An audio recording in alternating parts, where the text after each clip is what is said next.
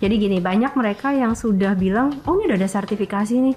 Tapi ternyata sertifikasinya itu pertama mereka nggak berani nunjukin, Mm-mm. begitu dicek tidak terdaftar. Mm-mm. Beli Atau- lah ya Iya. sertifikasinya ya. Ya elah dua bulan jual mahal banget sih udah gue cari yang lain gitu kan Pasti, gitu kan pasti. jadi kayak lebih besar nggak sih jadinya kemungkinan untuk orang tuh misunderstood intentionnya kita gitu Waktu di awal-awal iya.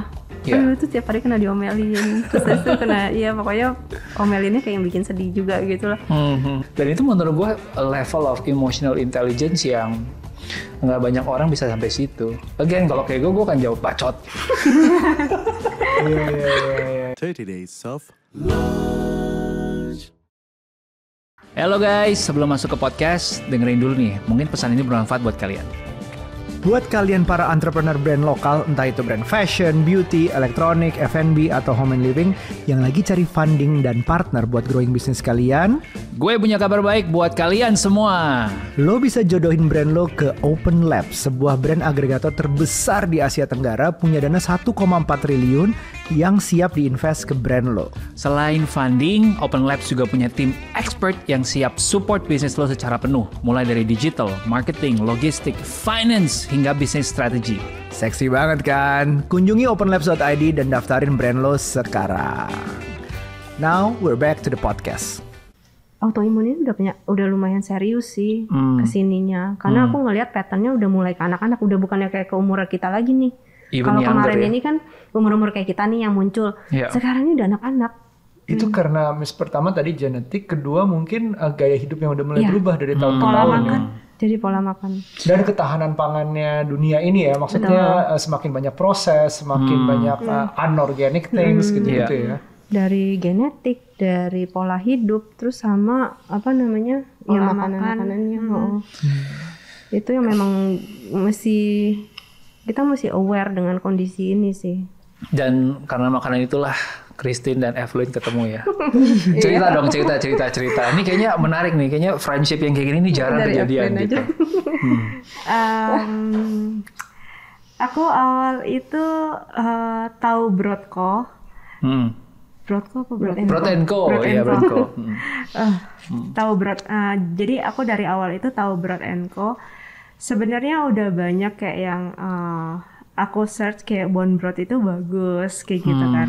Nah tapi eh, nggak tahu nih gitu kan di bikinnya kan ribet gitu kan. Iya. Nah terus tahu-tahu tuh kayak muncul Instagramnya Ci Christine gitu Hmm. itu eh broad bone broth pertama yang aku temuin juga Ci Christine sih Hmm, gitu kan. Nah jadi eh, udah lama banget ya Ci. Terus aku pesan lah gitu. Terus aku bilang Ci, aku bisa pesan nggak gitu kan? Aku lagi di rumah sakit gitu kan. Hmm. Nah akhirnya udah cepet eh, Ci Christine kirimin. Nah aku cobain lah eh, bone brothnya Ci Christine Hmm. gitu. Terus em, konsumsi sampai sekarang.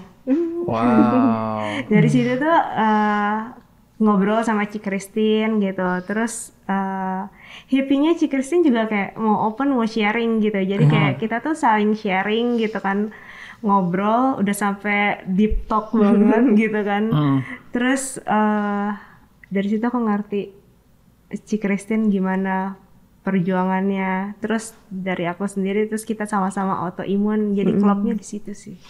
I Dari see. customer ya, Ya. Kayaknya friends. emang perlu nih ada satu komunitasnya. Ada nggak sih memang yang si komunitas autoimun ini yang bisa saling ngebantu? Kalau nggak kayaknya orang biasa susah paham gitu. Ada Hmm, sih. ada ya? Ada. Anything yang kalian bisa rekomend gitu? Ke mana kalau mau cari temen? Kalau aku sih jujur memang karena karena kita sendiri udah fatigue ya udah capek banget. Ya. Sometimes kayak belum kita belum into community sih saat ini sih. Ya, Jadi ya, lebih community-nya kayak Iya. Broad and Co kali ya, sesama. Nah, Boleh tuh. Ya aku dengar soalnya eh, ya kayak tadi yang Evelyn cerita gitu kan, Christine juga memang jadi orang di belakang HP yang tempat orang curhat di DM gitu ya nggak sih? mm, Heeh. untuk 4 tahun ya. Tapi tiga bulan ini aku udah nggak kuat sih. Oke, Jadi rehat dulu kali dibantu. ya. Heeh. Mm-mm. Tapi dulu waktu 4, tahun itu gimana? Eh ya itu, aku ngejalanin sendiri. Makanya kenapa aku punya Broad Co itu belum masuk ke e-commerce karena aku punya keinginan untuk kayak edukasi karena ini sesuatu yang sebenarnya eh mesti diajarin gitu loh. Customer Hmm. ini banyak yang nggak paham sesimpel manasin cara memanasin aja tuh aku mesti ngasih tahu. Hmm. Dan sometimes ya kasus kayak Evelyn gini aku ngedengerin cerita mereka, apa yang aku bisa bantu dan kadang Hmm. kita nggak cuma nawarin produk kita tapi kayak kita nyeritain mungkin kita bisa ngasih suggest apa gitu ya. Hmm, kita saling tukeran dokter atau misalnya apa gitu. Cikrisnya selalu bilang kalau misalnya chat uh, atau kayak sekedar kita cuma ngobrol doang gitu Hmm, Cikrisnya akan tiba-tiba bisa ngomong gini if apa yang bisa aku bantu kata kayak gitu Hmm. terus anything anything kamu bilang aja kalau bisa aku bantu aku akan bantu gitu Hmm. nah sesimpel itu ya Ci ya Karena sebenarnya nggak simple sih Ci kalau buat kita itu butuh effort loh. Iya, buat Iya. kita yang nerimanya juga de- nerima kata-kata seperti itu aja kayak yang wow, Wow. gitu. Masa itu kayak udah support banget kan. Hmm, ya. Even Hmm. kayak eh, pada akhirnya nggak dapat maksudnya bantuan apa-apa tapi dengan pertanyaan itu aja udah kayak ngebangun banget maksudnya kayak ngebangun mental banget Bener. gitu kan. Iya, iya, iya, iya, Nyemangatin banget gitu. Hmm. Dari awal memang aku udah tahu sih, aku akan handle customer-customer yang memang mungkin ada kondisi kesehatan. Iya. Dan karena aku punya background juga, mama juga meninggal karena cancer, apa segala. Hmm. Aku bisa kayak ngerasain, aduh pasti mereka aja tuh di kondisi sekarang ini tuh lagi struggling banget. Dan Iya, sometimes doing kindness itu buat mereka tuh kayak something yang justru malah itu banget berarti banget buat Berarti mereka. banget. Hmm. Sangat berarti sih gitu. Saat lagi ngedrop ngedropnya terus itu chat si Christine gitu kayak apa yang bisa aku bantu if gitu kan kayak wow gitu. Hmm. Iya. Jadi Bread and Co itu apa?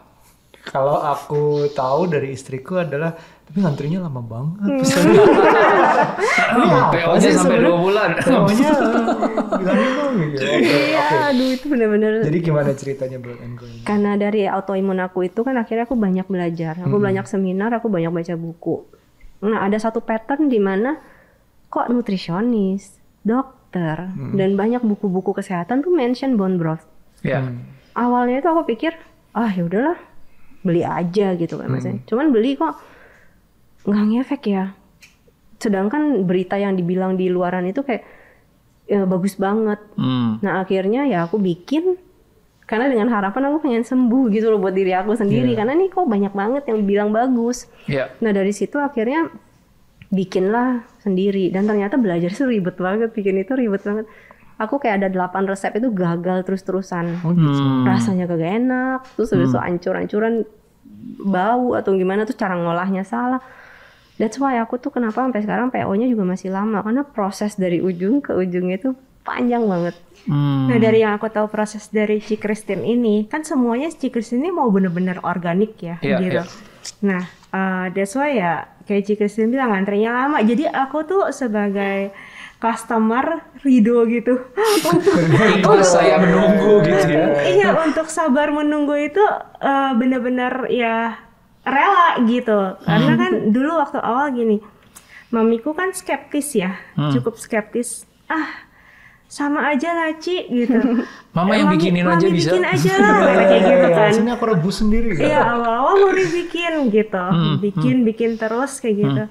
Tapi eh, kan ribet ya bikin Iya, kan. iya. Terus akhirnya eh, cobalah gitu. Terus ternyata begitu coba dan ngefek gitu kan. Jadi terus-terusan gitu. Nah em, dari eh, itunya sendiri dari bahannya, aku percaya kalau Ci Kristen ini organik itu dari eh, temanku. Temanku tuh punya anak. Dia em, apa ya kayak semacam hypersensitif ya, ya alergi, eksema ya Iya. gitu. Nah dia tuh kalau misalnya makan ayam nggak organik gitu, sesuatu nggak organik, sesuatu yang ada chemicalnya, Hmm. dia alergi. Wow. Nah terus begitu uh, Dia dia, makan makan, aku aku bilang kayak "Eh, aku sih oke ya, aku bilang itu ngerasa di tubuh aku oke, aku bilang kayak gitu kan bagus. Nah terus akhirnya memberanikan untuk coba Hmm. eh, karena dia eh, sebenarnya ya pernah trauma ya gitu karena dia coba bone broth lain terus begitu nggak berhasil. alergi, Alergi. malah Berarti muncul nggak lebih parah gitu. Hmm. Nah begitu coba bondrotnya Ci Christine itu nggak flare, sama sekali nggak flare gitu. Eh, eh, maksudnya orang tuh kalau eh, mau baca dokter nih baca nutrisi kayak banyak mau bagus di aku tapi kok nggak bagus? Ah ini bohong gue udah nyerah sampai situ sih. Maksudnya Iya, ah iya, ini bohong nih tapi ini diulik. Iya, iya, iya. diulik untuk bikin sendiri dicoba dan it works. Iya, iya. wow itu resiliennya luar biasa. Luar biasa sih, bener sih. Dan maksudnya sampai hari ini Evelyn juga hadir dan ya udah gitu benar-benar ngerasain dampaknya. And you feel much better after Iya. minum itu. Hmm. Apalagi terutama waktu aku kena uh, TB, Hmm. TB yang selaput paruh, Iya. itu aku minumin terus setiap hari. Hmm. Itu healnya jadi lebih cepat. Dan uh, kemarin ini yang yang baru deh, yang Ya. baru, uh, aku kan uh, terakhir masuk rumah sakit sekitar satu setengah bulan. Hmm. Nah dari situ tuh usus aku flare, terus ditambah aku ada bakteri kan, Ya. ada dua bakteri gitu. Nah perutku sakit, terus nggak enak, pokoknya badan tuh bener-bener nggak fit banget Hmm, lah gitu. hmm. Terus eh, pas ngomong sama Ci Christine, oh ya udah sehari bisa sampai minum sampai 8 ya kata Ci Christine. Hmm. Sebenarnya sih kalau aku mikirnya pas Ci Christine Banyak ngomong gini, ya. hah 8 Ci, gila satu botol aja berapa duit gitu terus udah mau minum 8 gitu kan. Nah terus udah gitu, oh tapi ternyata bondrot boleh diminum uh, lebih dari satu botol gitu kan. Hmm, Akhirnya aku minum pagi bangun tidur sama uh, malam sebelum tidur gitu. Nah aku minum sehari dua dua dua terus. uh, puji Tuhan aku healnya lebih cepat lebih sih. cepat ya Hmm. Dan sekarang udah much much better, Much, udah much. bisa aktivitas. Iya, iya. Jadi bisa dibilang sekarang juga udah di remisi ya, Hmm, menuju. menuju tapi bisa sih bisa sih dibilang remisi karena aku saat ini nggak ngerasain keluhan apa pun Hmm. ya dokter sih belum menyatakan remisi gitu kan Hmm. tapi eh, aku sudah nggak pernah nggak ada ke- keluhan apa pun sih I see. Gitu. Wow. ya bisa dibilang remisi jadi aku Wow. minum yang itu kalau aku sih lebih cocok yang ikan Oh, sekarang berat and Co ada yang, Yang- ikan juga yang ya. fish Eh, Iya. yang fish aku minum sehari dua. Kan eh, ikannya kan ikan gabus. Terus eh, biasa kan ikan gabus itu untuk membantu penyembuhan kan? Hmm. untuk eh, meredakan inflamasi menyembuhkan inflamasi gitu kan. Sebelum itu mamiku bikin. Mamiku bikin ternyata ribetnya minta ampun gitu kan dan amis gitu terus akhirnya minum yang Ci Christine punya ya berasanya lebih Iya, iya. so how ribet is ribet sih Iya, maksudnya kenapa um, PO2 nah. bulan tadi terus prosesnya juga kamu cerita tadi kayaknya panjang, katanya kompleks. nemuin botol yang bersih aja satu tahun ya Iya, iya, nah iya. itu seberapa ribet sih bisa diceritain dikit Iya, iya. Ya, panjang banget sih ini kalau panjang ya ceritain. jam Tapi sebenarnya aku juga bikin yang ikan ini gara-gara mikirin dia. Salah satunya karena dia sih. Itu Wow. akhirnya terpikirlah tercetus. Jadi jadi aku ngedengerin coba customer apa sih yang dibutuhin. Nah, ribetnya itu pertama dari supplier. Hmm. Pertama yang menurut aku struggling terbesar itu adalah mengedukasi customer. oke Mengedukasi cara masaknya itu itu, itu yang paling susah. Hmm. Tapi yang selanjutnya itu adalah supplier. Hmm. Kita susah banget nemuin supplier yang bener. supplier ikan supplier apa Mau ikan, bener mau tuh ayam. gimana masih bener? Jadi gini, banyak mereka yang sudah bilang, oh ini udah ada sertifikasi nih. Tapi ternyata sertifikasinya itu pertama mereka nggak berani nunjukin, Hmm. begitu dicek tidak terdaftar. Hmm. beli Atau- lah ya Iya. sertifikasinya ya Terus kadang eh, apa sih? Misalnya kita ngedukasi dia nih, kita nggak mau yang ayamnya kayak gini ya. Terus habis itu kondisi ini jangan yang begini-begini. Banyak yang masih belum menerima. Ah dianggapnya broad and Co ribet. Udah nggak usah ambil sama kita gitu. Wih, dia nggak tahu nih Berat Enko bisa pesan berapa banyak. Wah. Enggak, enggak masih kecil, masih kecil.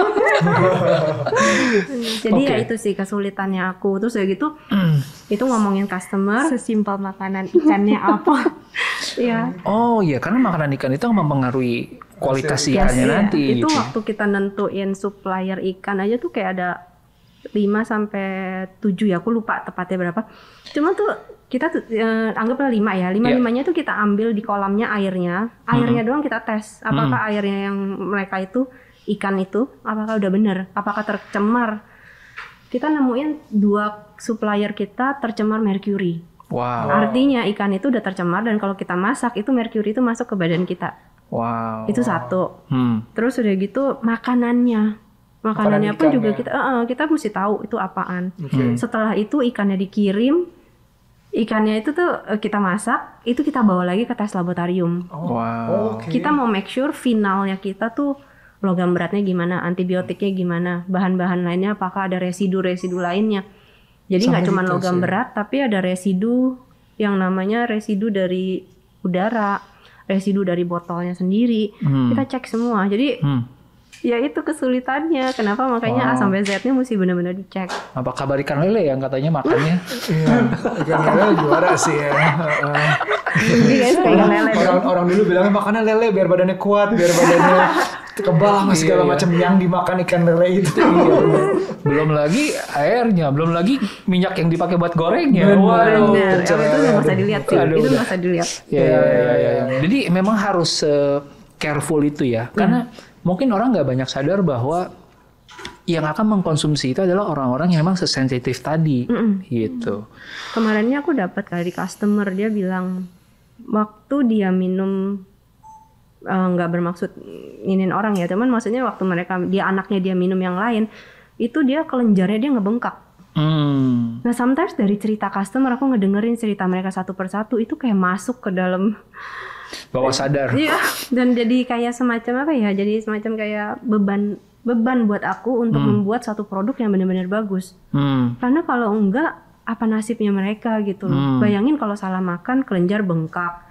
Salah makan, mereka jadi flare, bisa jadi satu badan merah semua. Hmm. Mesti berobatnya lagi, mesti ketemu dokternya lagi, terus recovernya lagi. Iya, jadi aku komitmen untuk kita yang lakukan ini semua. Oke. Kecuali kalau misalnya kita udah do the best, tapi mereka memang masih ada lagi kondisi-kondisi yang nggak bisa, artinya mereka harus ngecek lebih deeper lagi kondisi kesehatan mereka. Hmm. Dan sometimes kadang begitu aku tanya ke customer, udah pernah ngecek ini belum? Misalnya IgG, belum. Jadi Belum. actually mereka Gitu nggak ya, tahu. alergi itu ya. Hmm. Jadi mereka cuma nebak-nebak doang selama ini. Dan aku bilang kalau memang kamu punya kondisi tertentu, kamu harus Cek. cek untuk sedalam apa nih kondisi kamu. Hmm. Jangan cuma nebak-nebak. Hmm. Dan mereka pun harus belajar menginformasikan ke semua penjual, aku bilang gitu. Hmm. Hmm. Hmm. Jadi aku sometimes sampai bikin custom order yang di mana anaknya misalnya contohnya nggak bisa bawang nih, nggak bisa jahe. Aku bikinin khusus. Jadi kayak ada Wow. syarat tertentu di mana aku kita eliminasi apa pun yang kalian alergi. Oke. Heeh, untuk membantu mereka supaya benar-benar mereka maksimal waktu Dan ini konsumsi. ini case-nya memang si orang yang pesen ini orang tuanya paham bahwa anaknya memang nggak bisa bawang dan jahe gitu ya. Iya. Berarti mereka sendiri yang harus aware itu Udah ya. tes Yes, ya. heeh. I see. Nah sebenarnya Wow. di di era seperti ini misalnya kita belajar seperti itu sih. Iya, iya, iya. Ini lumayan um, apa ya? Insight customernya tuh masuk banget ya. Hmm. Masuk tadi mulai dengan ikan dari Evelyn, Hmm. uh, terus bawang dan jahe itu alergi. Berarti Iya. ini hasil menjawab DM selama Empat tahun. empat tahun ke belakang ya. Dan rajin juga ya. Oh, terus pick up, wah ini ternyata ada nih yang kayak gini nih. Iya. Terus di Dan pengalaman pribadi, soalnya pribadi Dan sendiri pribadi. juga ada autoimun gitu kan. Mm-mm. Ci Christine benar-benar detail banget sih memperhatikan aku kayak sebagai customer ya gitu. Terus eh, Ci Karena insight-nya menarik tadi juga ya. Iya, Ci Christine pernah bilang sebenarnya kalau mau misalnya kalau eh, secara materialistis ya Ci ya, kalau mau dibikin cepet itu bisa kata kayak gitu. Tapi kalau misalnya hasilnya nggak ngaruh ke da- eh, ke tubuh si customer buat apa kata Ci Iya, Christine pernah bilang kayak gitu. Ya that's why aku jadi kayak Betul. oh Itu- wow gitu. Iya, itu nggak gampang sih Iya. untuk kasarnya gini. Ini duit di depan meja nih gitu iya. kan. Untuk kita bisa bilang bahwa no, gua berbisnis bukan hanya for the money, tapi ada value-value yang harus gue pertahankan gitu. Benar. Iya. Dari Gue jadi, awal ya, hmm. dari awal Broad and Co aku nggak ngelihat Ci Christine ngelihatnya ke materi sih. Hanya uang ya. ha. Lebih ke mau bantu orang. Hmm. Hmm. Makanya perlu dimultiplikasi nih. Iya, kan Iya, banyak kan ngelihatnya ke materi wah udah Iya, iya. ini ya udah gitu kan. Aku tendensi ngeliat- orang kan ke arah situ Iya. gitu. Bener bener bener. Aku ngeliatnya kan juga kalau misalnya emang em, oh bisa di bisa di lebih banyak kualitasnya diturunin, tapi sama aja kalau misalnya orang itu nggak ngerasa ada khasiatnya malah Iya. mungkin In malah bikin malah nggak bagus. sama aja atau bahkan bikin lebih parah karena ada misalnya bawang dan jahe tadi misalnya dia Iya. nggak tahu dia masih itu konsum malah lebih parah gitu Iya. ya nggak akan returning juga kan beli itu nggak akan gitu ada customer yang selama Iya. aku ya Ci Bener bener Itu bener. dari Iya. customer mula-mula gitu Iya, dia iya. Oh, jadi customer dari 4 tahun lalu nih ya dari awal. Dari awal. Wow. Iya. Wow. Karena aku ngerasa udah banyak penjual yang jual makanan yang enak, yang Iya. lebih ke flavor ya. Iya, iya. Tapi yang lebih ke quality itu aku Khasiat. belum nemu. Maksudnya nggak banyak gitu loh bisa dihitung Nggak banget. banyak. I see. Nggak I see. Mm, Dan aku pengen be part of yang itu Hmm. untuk kita benar-benar punya purpose ya. Iya, iya. karena bone broth itu sebenarnya bukan cuman autoimun ya bukan kegunaannya Kegunaan. bagusnya tuh banyak ya, Ya. bukan cuma untuk autoimun tapi cancer juga Nutrisi membantu. sih aku ng- bilangnya. buat imun sistem aja juga bagus Hmm. imun sistem karena juga em, yang istriku konsum aku ikutan eh, di saat diet di saat diet Hmm. itu juga dinner dengan satu satu broad and Hmm. co itu dengan ya tambah minum tambah nutrisi yang nggak perlu pakai kayak full karbo dan segala Iya. macam gitu udah kenyang udah cukup kenyang Kalau di luar negeri memang dijadiin diet sih. sebenarnya I jadi see. diet itu karena ada protein semuanya tetap ada iya, ya protein, serat, itu kayak sayur-sayuran semuanya ada, kolagennya ada, protein apa? eh ya mineralnya pun juga ada di situ. ini mikro Oke. makro tuh dua-duanya ada Iya. nah makanya waktu aku flare itu kan aku nggak bisa makan sayur sama buah Mm-mm. nah aku minumnya co I see. Gue jadi makin penasaran sih. Boleh cerita lebih detail lagi nggak kayak soal apa level of detailnya tadi gitu? Karena sekarang udah jalan berapa lama Bro Tenko berarti Eh, Agustus ini mau lima tahun. mau lima tahun ya. Kan tadi proses awalnya tuh nggak cepet, bikinnya juga mulai dari rumah sendiri gitu. Untuk jadi satu Broad and Co itu gitu ya, butuh berapa lama sih emang? Kalau yang chicken aja nih ya, kita masak aja 24 jam. Waktu barang supplier datang, itu kita nyuci dulu tuh seharian tuh. Oke. Udah satu hari tersendiri. Oke. Setelah itu kita masak. Setelah Oke. dimasak, itu aja masaknya 24 jam. Hmm. Hari ketiga itu baru bisa kita produksi. Oke. Produksi itu juga seharian. Dari pagi pegawai aku bisa pulang jam 6. Hmm. Jam 5, jam 6an pulang. Hmm. Habis itu ngebekuin aja tuh dua hari. Oh, Apanya dan dua hari? ngebekuinnya dua Pembekuannya hari. dua hari. Kenapa? Karena kita bukannya air. ke- Kalau kayak air putih dibekuin cepet. Hmm. Tapi kalau ini tuh kaldu yang memang oh iya iya dia nggak banyak Ini air kan. lamanya Jadi semakin lama. untuk dia mencapai beku sampai ke tengah ya. Hmm. Dan ini nggak bisa pakai. Nggak Ini aku pernah kalau di dunia F&B pernah jualan buah yang di freeze. Jadi aku kenal sama yang namanya blast freezer. Sehingga dalam waktu cepat mungkin hitungan menit tuh bisa frozen dan terjaga nutrisinya. Tapi kalau kaldu nggak bisa. Eh, bukan yang nggak bisa sih, tapi aku yang memilih untuk segala sesuatu yang instan itu buat aku kayaknya aku nggak memilih ke situ. Jadi I segala see. sesuatu harus ada berprosesnya. Walaupun memang harus lama ya itu yang aku tempuh sih. I see. termasuk jumlah likes di Instagram ya itu juga instan tuh Iya iya. Jadi oke, jadi bikinnya aja itu pun kurang lebih satu minggu berarti ya. Eh, lima hari ya Lima untuk hari sampai ya? dipegang tangan Iya, customer. berarti bener lah. Sat- Satu, minggu kan sat- lima hari kerja kan, gitu kan. Sampai dipegang oleh customer. Iya. Dan packagingnya sendiri itu katanya juga butuh proses yang lama ya. Mm-mm. Hmm. Kita kayak nyuci jar itu aja ketemu supplier, aduh itu kotor banget sampai nggak masuk ke tahap tes labnya kita. Ketemu lagi supplier yang lain pecah, Hmm. ketemu supplier lagi, ntar ada lagi masalahnya bisa bisa ada tapi ntar bisa jadi nggak ada barang lagi. Hmm. Itu kayak yang paling tersulit mulai masuk ke tes lab. Karena Hmm. begitu kita approve, kita tes shock thermal semua segala, tes lab dong, tes lab aja itu bisa kelihatan bakteri apa aja, residu apa aja. Nah kalau jarnya itu nggak bersih, itu saya tuh kita masukin Wow. makanan, produk kita yang tadinya bagus jadi ikut jelek.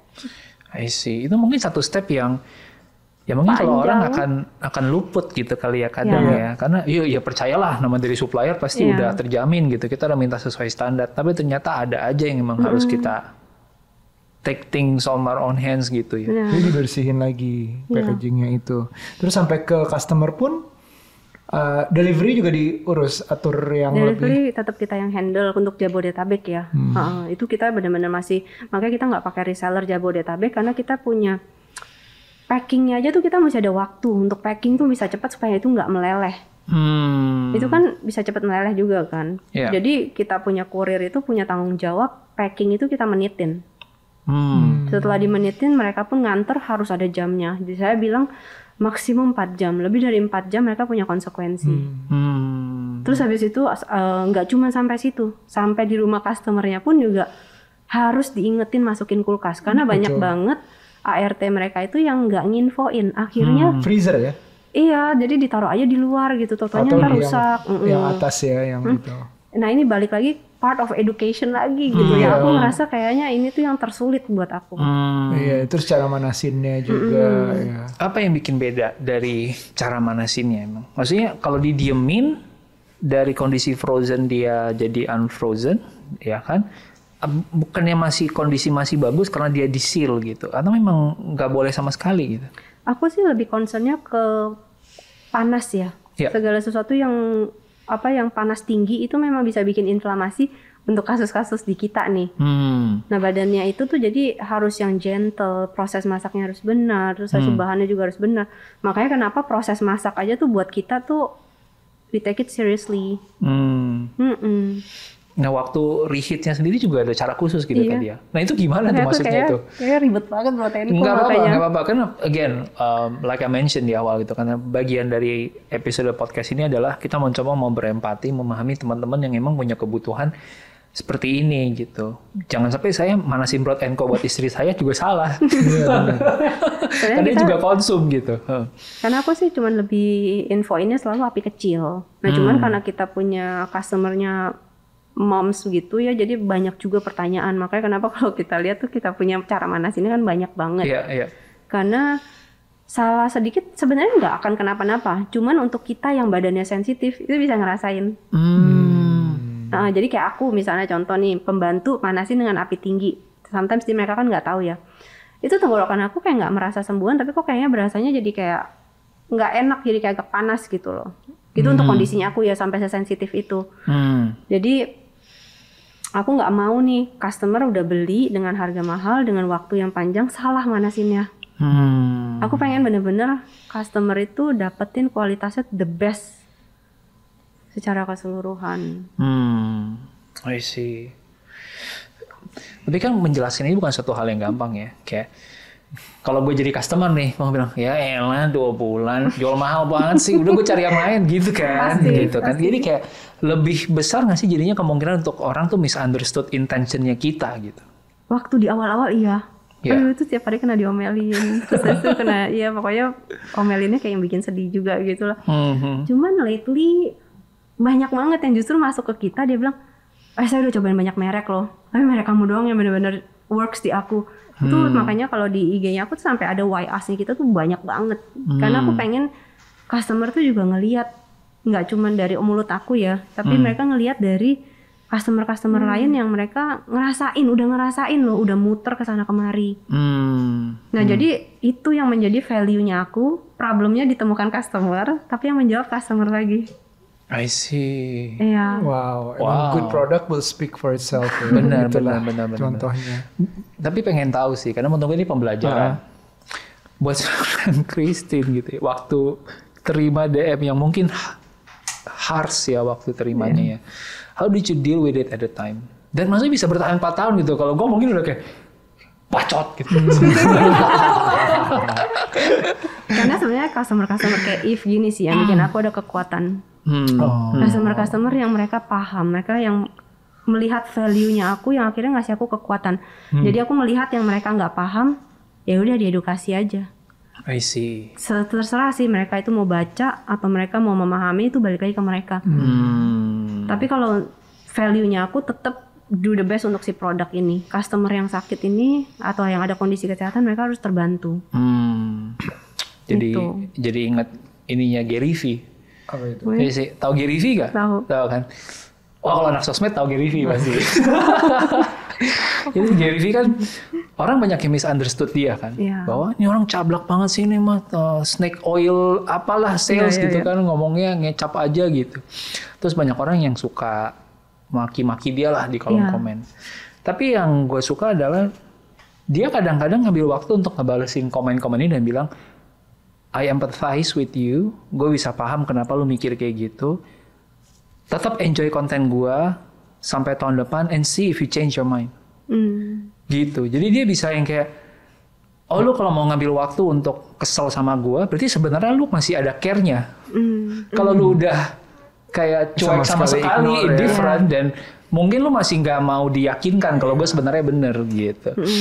Dan itu menurut gua a level of emotional intelligence yang nggak banyak orang bisa sampai situ. Again kalau kayak gue gue kan jawab bacot Iya iya iya iya. iya. Ada sometimes rasanya kayak gitu sih. Cuman Hmm. ya aku berusaha kayak ya udahlah maksudnya ini itu ses- emang aku udah memilih jalan ini dan Iya. banyak orang yang nggak paham. iya Itu karena aku ngeliatnya juga karena empat tahun mungkin jawabin DM sendiri di mana uh, produk yang dibuat itu sangat relate dengan personalnya, which is Iya. uh, karena gue bikin produk ini karena customer pertama adalah gue gitu, gue sendiri ya gue harus ngerasain ini benefitnya segala macam, really really care about the product gitu, itu yang mungkin penting sehingga begitu ada yang nanya, ada yang komplain, kok ini nggak works, seperti halnya tadi udah cek ini belum, malah ditanya balik ya. Jadi tahu Iya, gitu yang hmm. yang kalian Kita alami yang ningkatin customer awarenessnya lagi ya ke mereka. Iya, jadi iya. bukan.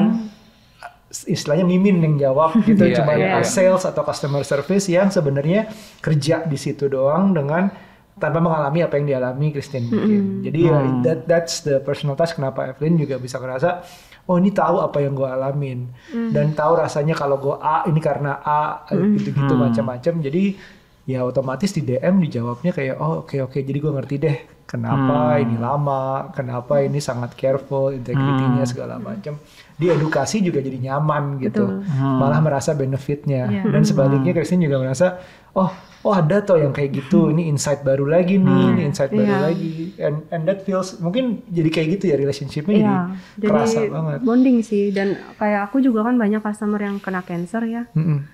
Ya itu ngedampingin mereka, ngedengerin curhatan mereka, terus habis itu sampai akhirnya beberapa dari mereka ada yang nggak ada. Itu tuh kayak ah emosional banget. Karena ibu ya. Heeh, jadi tapi aku aku ngerasa happy, bukan happy gimana nya, tapi aku ngerasa waktu ngejalanin itu happy. Nanya kondisi If, kondisinya gimana, kemarin di rumah sakit gimana itu ya I enjoy it sebenarnya. Hmm. Itu bukannya pressure buat aku. Hmm. Makanya wal- ya.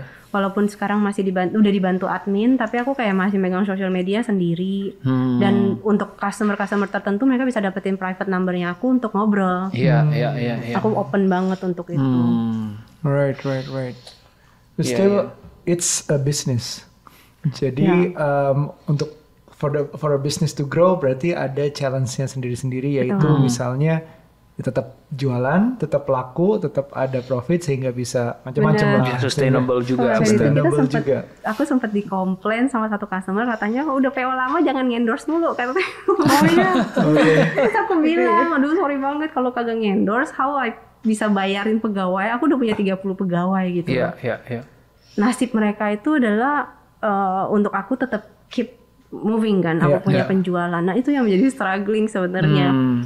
Jadi PO dua bulan ini bukannya kita nggak do anything, kita do something kok sebenarnya. Cuman Hmm. emang ada di tengah-tengah proses itu yang Tadi. kita kalau misalnya mau organik itu harus satu lingkaran tuh berjalan bersama. Hmm. Kemarin ini sekitar dua bulan lalu atau tiga bulan lalu tuh kita ada kejadian supplier ayam kita itu nggak terima dengan standar kita. Wow. Tiba-tiba aja besok kita udah nggak lagi hubungan sama Broad Co. Aku kayak shock gitu. Not nggak ada surat pemberitahuan, nggak ada apa pun.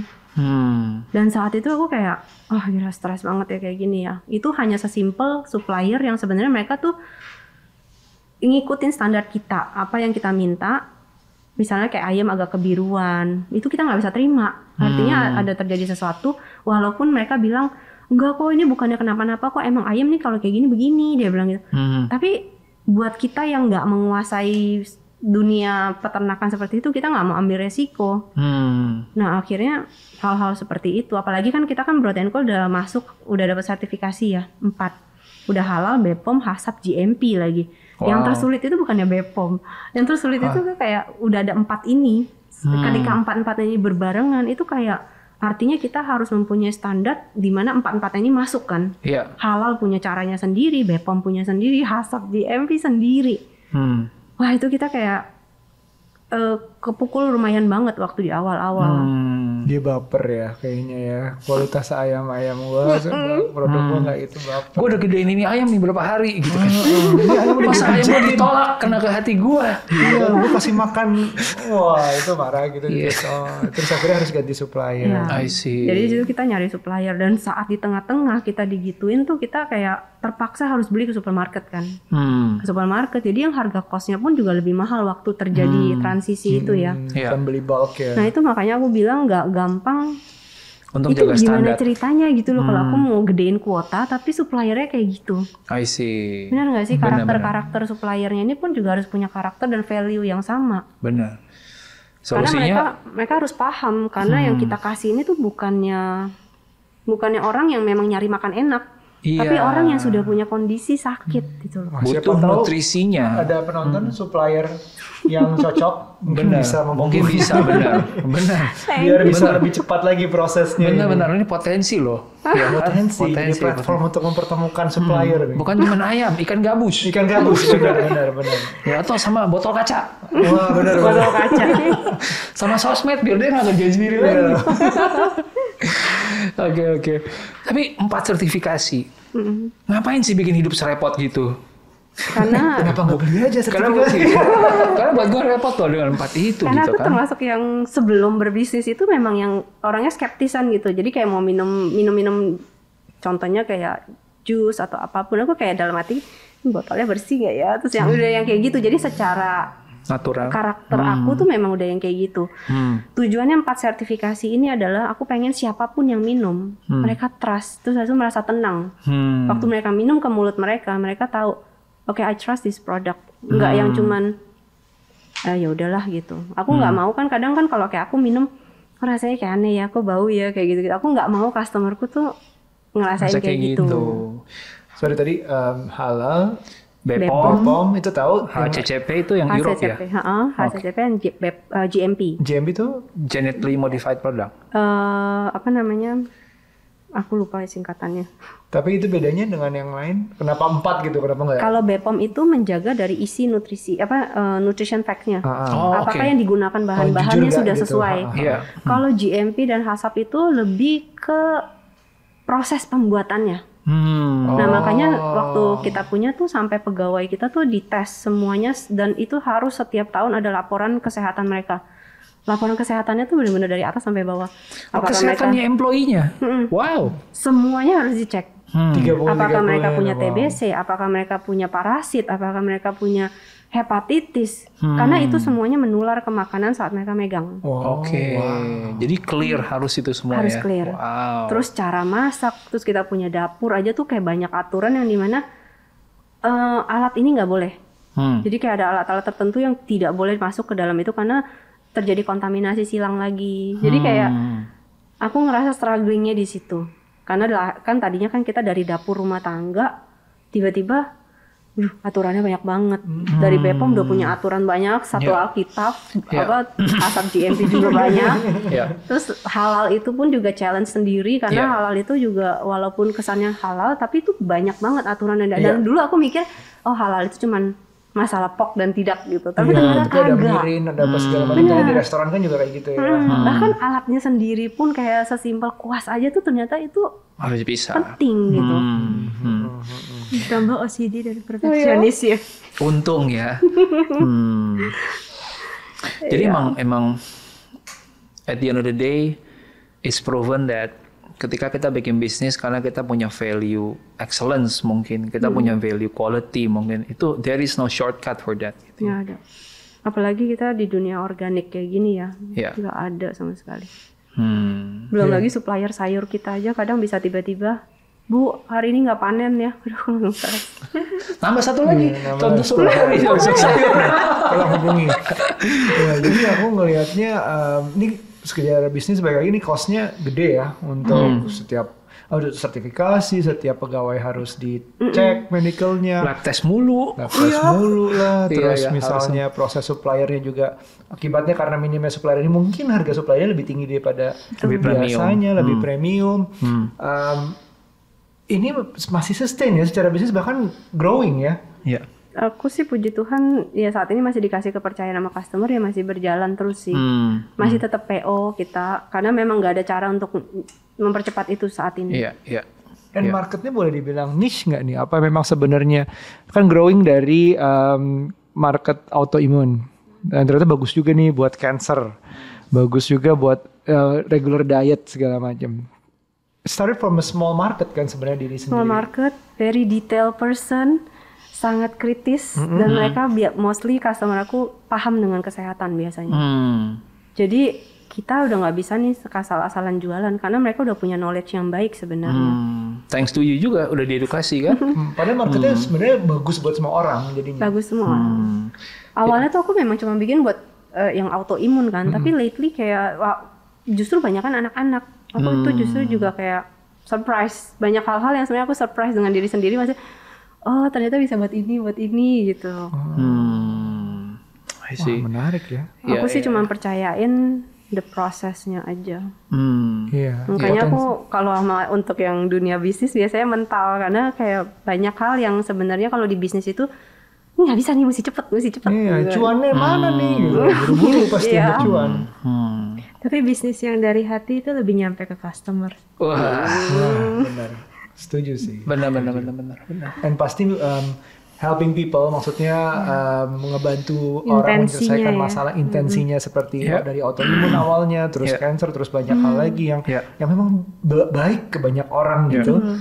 Aku sih percaya mungkin klise juga ya um, pasti ada jalannya. Iya. Pasti Iya. dibantu secara gimana oleh universe untuk tumbuh gitu. Iya. Amin. Iya. Ya mungkin itu cara-cara yang agak-agak underdog. Ya, Eh, satu tema yang kita percaya dan kita juga pengen ngangkat gitu di season 4 ini. Kita udah jalan lumayan beberapa episode sekarang dan jujur kalau bacain komen di YouTube sebagian besar positif, sebagian besar bisa menangkap bahwa oh, message underdog ini adalah Ya. sesuatu yang kayaknya bagus karena memberikan satu narasi yang baru dan berbeda dengan apa yang ramai di media. gitu. Hmm. Kalau di media yang umumnya yang dicari kan apa yang beken, apa yang ngepop, apa yang ngehit, apa yang paling cuan gitu. Tapi doing business the way you're doing business bukan cara yang biasa gitu. Mm-mm. Karena nggak bisa ngelihat cuma dari satu sisi bottom line kan. Iya. Iya. Harus ngelihat mungkin nanti I don't know, maybe one day kalau gue sih rasanya kayaknya udah kepikiran harus punya sisi supply sendiri. Ya kan, kalau nggak ini selamanya nggak akan solve Iya. ya kan. Em, apakah juga jadinya ke situ se underdog itu nanti ke depannya ngelihat si bisnisnya gitu. Hmm.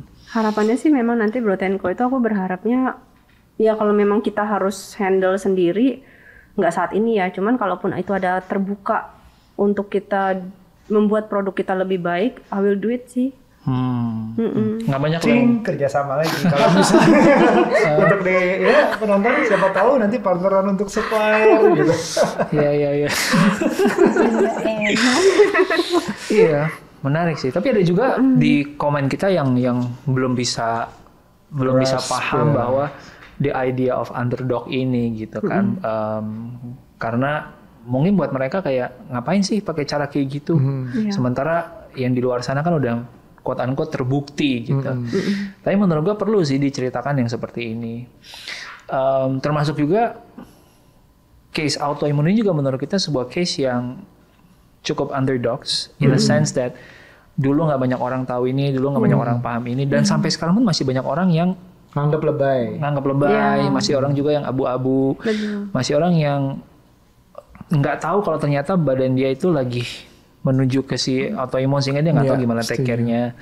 So hopefully teman-teman setelah episode ini bisa lebih Ya. lebih melek, lebih bisa berempati. Ya, underdog yang autoimun itu juga sebenarnya bisa mengakibatkan sesuatu yang cukup berbahaya sebenarnya kalau tidak diketahui dan hidup dengan autoimun itu seperti apa gitu. Jadi it's an underdog kind of situation juga sebenarnya untuk ke diri sendiri yang bisa berbahaya gitu. Hmm. Jadi berharap episode ini juga banyak belajar tentang underdog story-nya mulai dari autoimunnya itu sendiri sampai ke perjalanannya Broad and Co. Broad and Co. Such a good quality product with a good intentions hopefully will lead to a better things in the Yeah. future gitu. Amin. Semoga bisnisnya jalan terus karena banyak orang yang butuh. Amin. Christine. Semua orang butuh harus. Aku masih membutuhkan Hmm. Ci. Mungkin uh, last one to close gitu ya. Um, kalau misalnya uh, apa ya kak, kan memulai Broad and Co ini di usia-usia yang ini juga underdog sih, karena udah almost 40 ya, apa udah 40 sekarang? Almost 40. Almost 40. Memulainya sekitar 45 tahun. Berarti juga di usia 30-an ke atas. Sementara orang ngerasa, nih kalau belum sukses di umur 30 sih mungkin sih. Hmm, Kalau belum punya MM-an di belum punya rumah di Iya. umur ini. Ya, nah itu um, boleh nggak diceritain kenapa kayak kalau bisa ngomong sendiri ke diri sendiri di di umur 20-an gitu kayak what would you give recommendation kepada teman-teman yang denger ini gitu. Hmm, kalau aku jujur sebenarnya waktu bisnis ini lebih punya hati ya. Pada saat itu pengen, gue pengen punya produk yang bagus pokoknya. Dan saat itu nggak kepikiran untuk bisnis. Jadi pada saat hati dulu yang muncul, entah kenapa tuh kayak pintu-pintu yang selanjutnya dibukain sih. Hmm. Jadi kayak prinsipnya adalah kita memberikan yang terbaik untuk siapa pun Hmm. nanti itu kebaikan itu akan datang sendiri untuk kita sih dan sometimes dulu tuh cuma mikirnya gini ya Tuhan eh, pengen punya duit apa sih tambahan aja. Misalnya kayak 5 10 juta aja se- sebulan gitu. Itu kayak udah happy banget. Hmm. tapi ternyata Tuhan kasih bisa sampai segede ini Hmm. karena di modalnya dari hati sih. Karena aku nggak punya saat itu waktu di awal aku nggak punya modal duit. Hmm. maksudnya aku cuma punya modal satu panci cuma ada satu pembantu dan habis itu ya punya waktunya pada saat setelah anak pulang sekolah. Hmm. jadi aku ngerjain itu di sela-sela itu yang tadinya kita cuma bikin buat diri sendiri habis itu mulai bagi-bagiin ke teman ke ke apa ke kerabat yang sakit atau apa itu feedback masuk sendiri sih Hmm. tanpa aku sadarin tiba-tiba yang tadinya dari 5 jar sehari pesanan orang 15 dua habis itu masuk ke 50 100 dan akhirnya sekarang itu udah masuk ke ribuan tanpa aku plan Hmm. dan empat tahun masih ngehandle sendiri eh baru pakai agency pun juga aku baru tahun ini gitu loh. Baru paham oh ternyata tuh kayak gini. Dan itu pun kenapa aku mulai meng-hire orang karena eh, pegawainya makin banyak. Terus habis itu artinya tanggung jawab aku selain ke customer adalah ke pegawai aku. Pegawai. Hmm. di mana tim aku ini pun juga harus dipikirin. Betul. Ya. Heeh. jadi tapi aku percaya pokoknya saya selalu aku selalu bilang sama pegawai selalu lakukan nomor satu itu untuk customer. Sisanya itu nanti datang sendiri Hmm. jangan dihitung jangan diharap dan kadang Tuhan tuh kayak ngasih kita buat aku sih yang dulu cuma minta 50 juta tuh kayak udah udah ratusan kali lipat yang Tuhan kasih ke aku gitu loh bahkan bisa sampai ada pabrik sekarang tanpa di planning Hmm. Padahal kan aku tadi juga dari housewife kan, aku Iya. juga anak graphic design, nggak nggak ada nggak Wow. ketemu gitu loh sama Wow. F&B. Wow. That's um, di episode kita ngobrol dengan Aldi ya.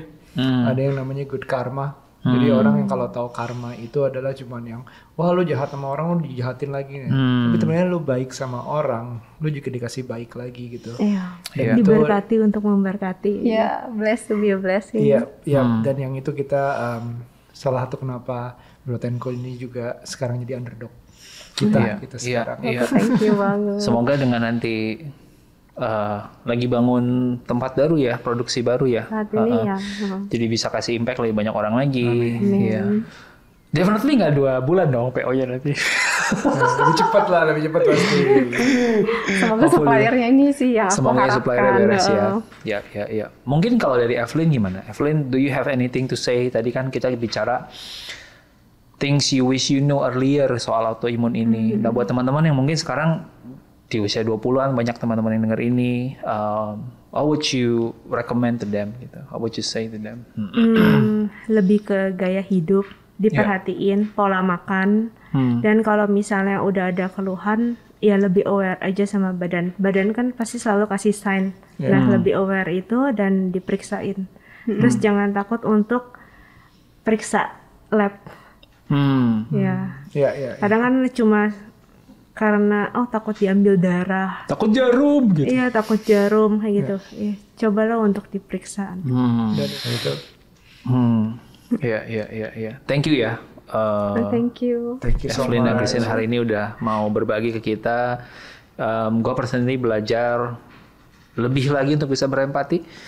Ya, dari sisi bisnis juga mungkin menguatkan lagi uh, untuk tahu why we do what we do gitu. Ya, Um, mungkin curhat sedikit kali ya. monggo. Karena sebenarnya mungkin nggak banyak teman-teman yang dengerin podcast Days of Lunch itu ngalamin susahnya kita gitu. Iya nggak sih yuk? Yang kayak jadi dulu nih ya waktu kita di tengah pandemi kita kan mulai bingung kan. Gimana caranya rekaman podcast sama orang terus nggak boleh ketemu. Dan yang orang nggak banyak tahu adalah di tengah-tengah kita lagi menyelesaikan season 2, season 3 yang di tengah-tengah pandemi, eh Aryo lagi battling with something yang personal gitu. Boleh cerita ya? Boleh. Boleh. gue juga lagi battling something yang personal. Kalau ini gue boleh cerita nanti, Aryo mungkin mau Nanti tambahin. Adalah nyokap itu lagi dealing with cancer, gitu. Dan eh, apa ya? Hmm, waktu itu jadi mikir kan, kita lanjutin nggak ya nih three days of lunch gitu kayak susah loh ngerjain ini capek, aduh pusing nambahin masalah yang nggak perlu gitu. Kadang-kadang kita mikir kan. But at the end of the day, setelah dipikirin, satu, ya betul kita juga waktu itu ada komitmen untuk eh, sama sebuah eh, platform. But at the same time juga kita ngerasa kenapa sih kita mau ngelanjutin ini lagi di season 4 padahal kita udah nggak ada komit gitu ya. Ya kembali ke yang tadi Christine bilang gitu. Ya karena ada a niche group of people yang terbantu banget sama kehadiran kita dan kita ngerasa belum selesai. Iya. Orang-orang ini masih butuh gitu dan orang ini makin-makin grow, punya teman lagi, punya rekannya lagi, akhirnya makin banyak butuh gitu. Iya.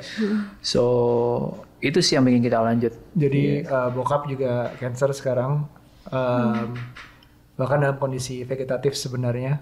Jadi jadi hal-hal seperti menemani orang yang sakit ini juga pengen banget eh, suatu saat orang akan mengerti rasanya bahwa bukan cuman yang menderita yang ada beratnya, tapi yang di sekitar yang menemani, bukan menemani untuk kayak orang nggak kenal terus eh, bilang ah lebay lo autoimun gitu segala macam, tapi yang sehari-hari bersama keluarga gitu. Itu itu juga butuh kayak support yang dan ada kelompok-kelompok orang yang oh ternyata ini em, berguna loh hal-hal kecil-kecil yang cerita-ceritain underdog story ini Iya. Hmm. sebenarnya berguna bisa aja. Iya. Jadi yang butuh dikuatkan bukan cuman yang uh, sakit, tapi yang di sekitarnya. Yang Iya. butuh podcast ini mungkin bukan cuman yang dengar langsung, tapi orang di sebelahnya. Siapa Iya, tahu. Yes. Nah itu tujuan kita setiap cerita itu pasti ada berusaha kita bikin sebisa, sebisa Hmm. mungkin ada gunanya buat orang kalau nggak kalian, seorang di sebelah kalian gitu. Iya. Itu sih. Iya betul. Dan kenapa kita juga sekarang makin sedikit melebar? Mm-mm. Karena kita ngerasa podcast ini yang awalnya mungkin lebih kayak buat ngisi otak gitu ya. Oh, gue ngerasa pinter nih dengerin ini gitu kan. Sekarang jadinya lebih, oh gue belajar berempati. Iya. Nggak mesti harus kayak gue nambah sesuatu yang baru di kepala, tapi gue jadi memahami situasi orang. Gue Iya. jadi memahami kenapa orang berbuat seperti ini. So, I think with that in mind, We're gonna close this episode. um, kalau teman-teman dapat sesuatu, um, kita sangat appreciate banget kalau lo bisa bagiin ini ke orang lain mungkin yang lo juga rasa butuh dengar. Um, masih buka hotline nggak Christine buat kalau teman-teman ada yang Iya, mau mungkin kalau teman-teman autoimun yang konsultasi tentang autoimun. Dengan senang hati. atau uh, follow-nya di Broad Co tentunya uh, bisa ngobrol lewat situ dulu ya. Iya. Yes. Kita lihat seperti apa um, apa yang bisa dibantu mungkin beda-beda seperti halnya autoimun tadi ada ratusan case. Iya. Jadi bisa bisa diobrolkan di situ gitu. Mungkin Wandi ada edukasinya di Instagramnya uh, and banget, Co. iya. Ya, alright. Oh, oh. Alright, See you at the next lunch. bye. Bye.